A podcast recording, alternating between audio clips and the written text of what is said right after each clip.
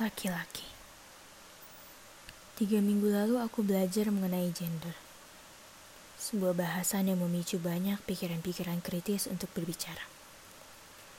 Dua minggu lalu di kelas tutorial, aku ditugaskan menulis 10 hal yang perempuan tidak suka terhadap laki-laki. Perempuan lain di dalam kelasku berkata, laki-laki sama saja, sering menyakiti. Egois, tidak memikirkan perasaan. Aku termenung. Dua minggu lalu sahabat baikku bertengkar dengan laki-lakinya. Dengan alasan laki-laki itu terlalu egois. Tidak mau memberi kabar. Sahabatku berucap seperti ini. Padahal perempuan hanya ingin diakui keberadaannya.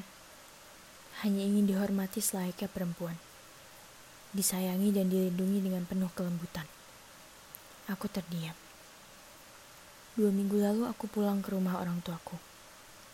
Dengan hati berbunga karena akan berjumpa dengan laki-laki milikku. Tidak ada kata hati-hati di jalan. Tidak ada pembicaraan apa pun. Hingga pukul tiga dini hari, laki-lakiku menjadi laki-laki yang dibicarakan perempuan di sekitarku.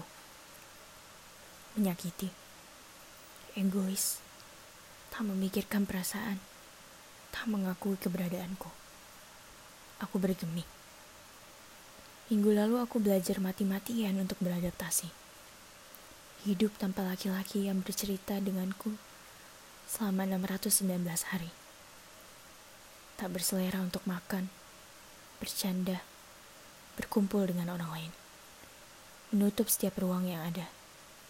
Terlalu sakit untuk menjadi diri sendiri. Aku hancur. Senin kemarin aku memilih untuk tidak mengejarnya lagi. Segala hal yang berkaitan dengannya membuatku hancur tak bersisa. Mungkin ini akhir dari jeripayaku menahannya. Mungkin aku menahan yang tak ingin ditahan. Atau mungkin selama ini semua adalah salahku. Mungkin aku yang menjadi penyebab. Aku muak. Kemarin malam aku berdamai dengan semua tentangnya.